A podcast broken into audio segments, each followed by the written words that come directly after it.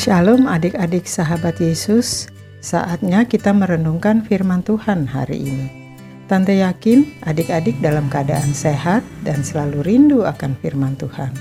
Hari ini tema renungan kita adalah Sikok Liong. Sebelum membaca firman Tuhan, mari kita berdoa.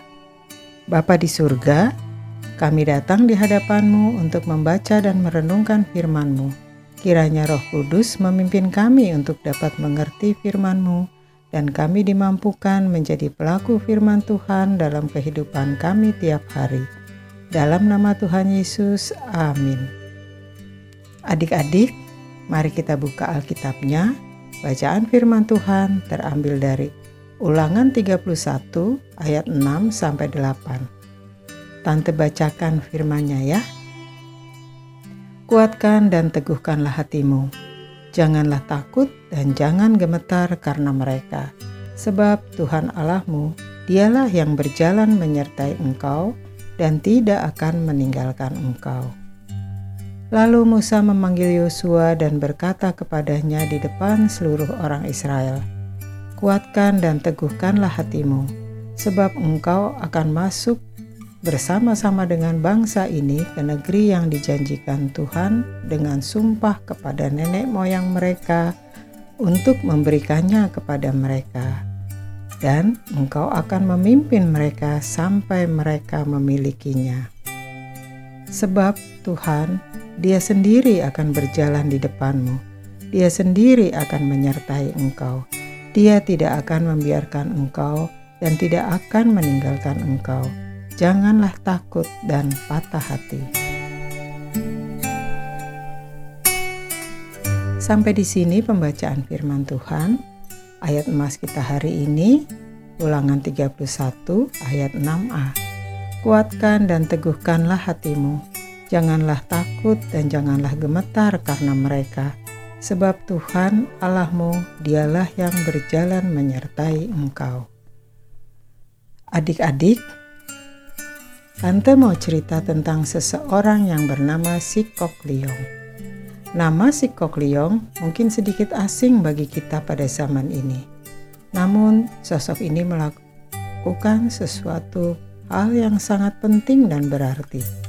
Si Kok Leong adalah pemilik bangunan di Jalan Keramat Raya nomor 106 yang menjadi tempat bersejarah bagi bangsa Indonesia. Di tempat itulah Sumpah Pemuda pada tanggal 28 Oktober 1928 dibacakan oleh perwakilan pemuda Indonesia.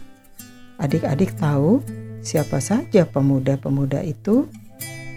Ya, mereka adalah Muhammad Yamin, Abu Hanifah, Amir Samsudin, Aka Gani, dan masih banyak lagi. Menurut Ketua Umum Suara Kebangsaan Tionghoa Indonesia, perlu keberanian luar biasa untuk menyediakan tempat bagi pergerakan masa itu.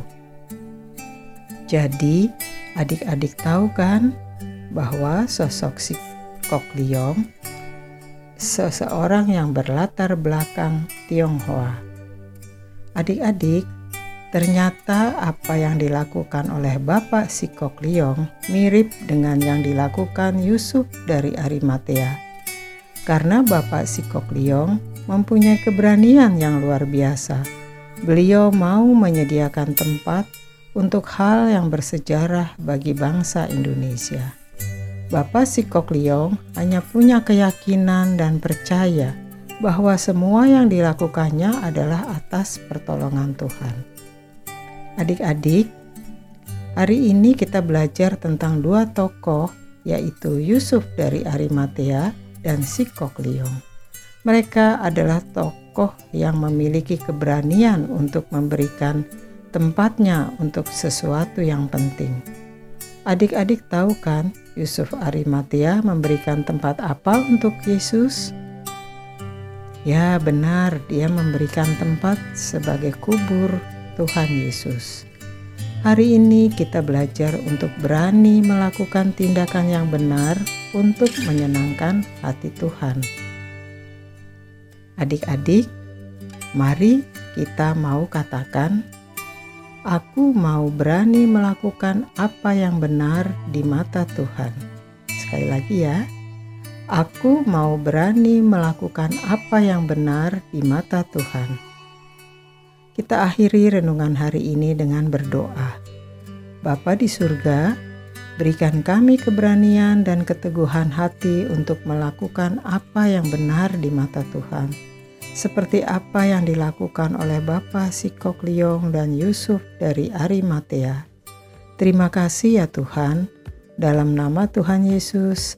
Amin. Tuhan memberkati. Sampai jumpa renungan besok.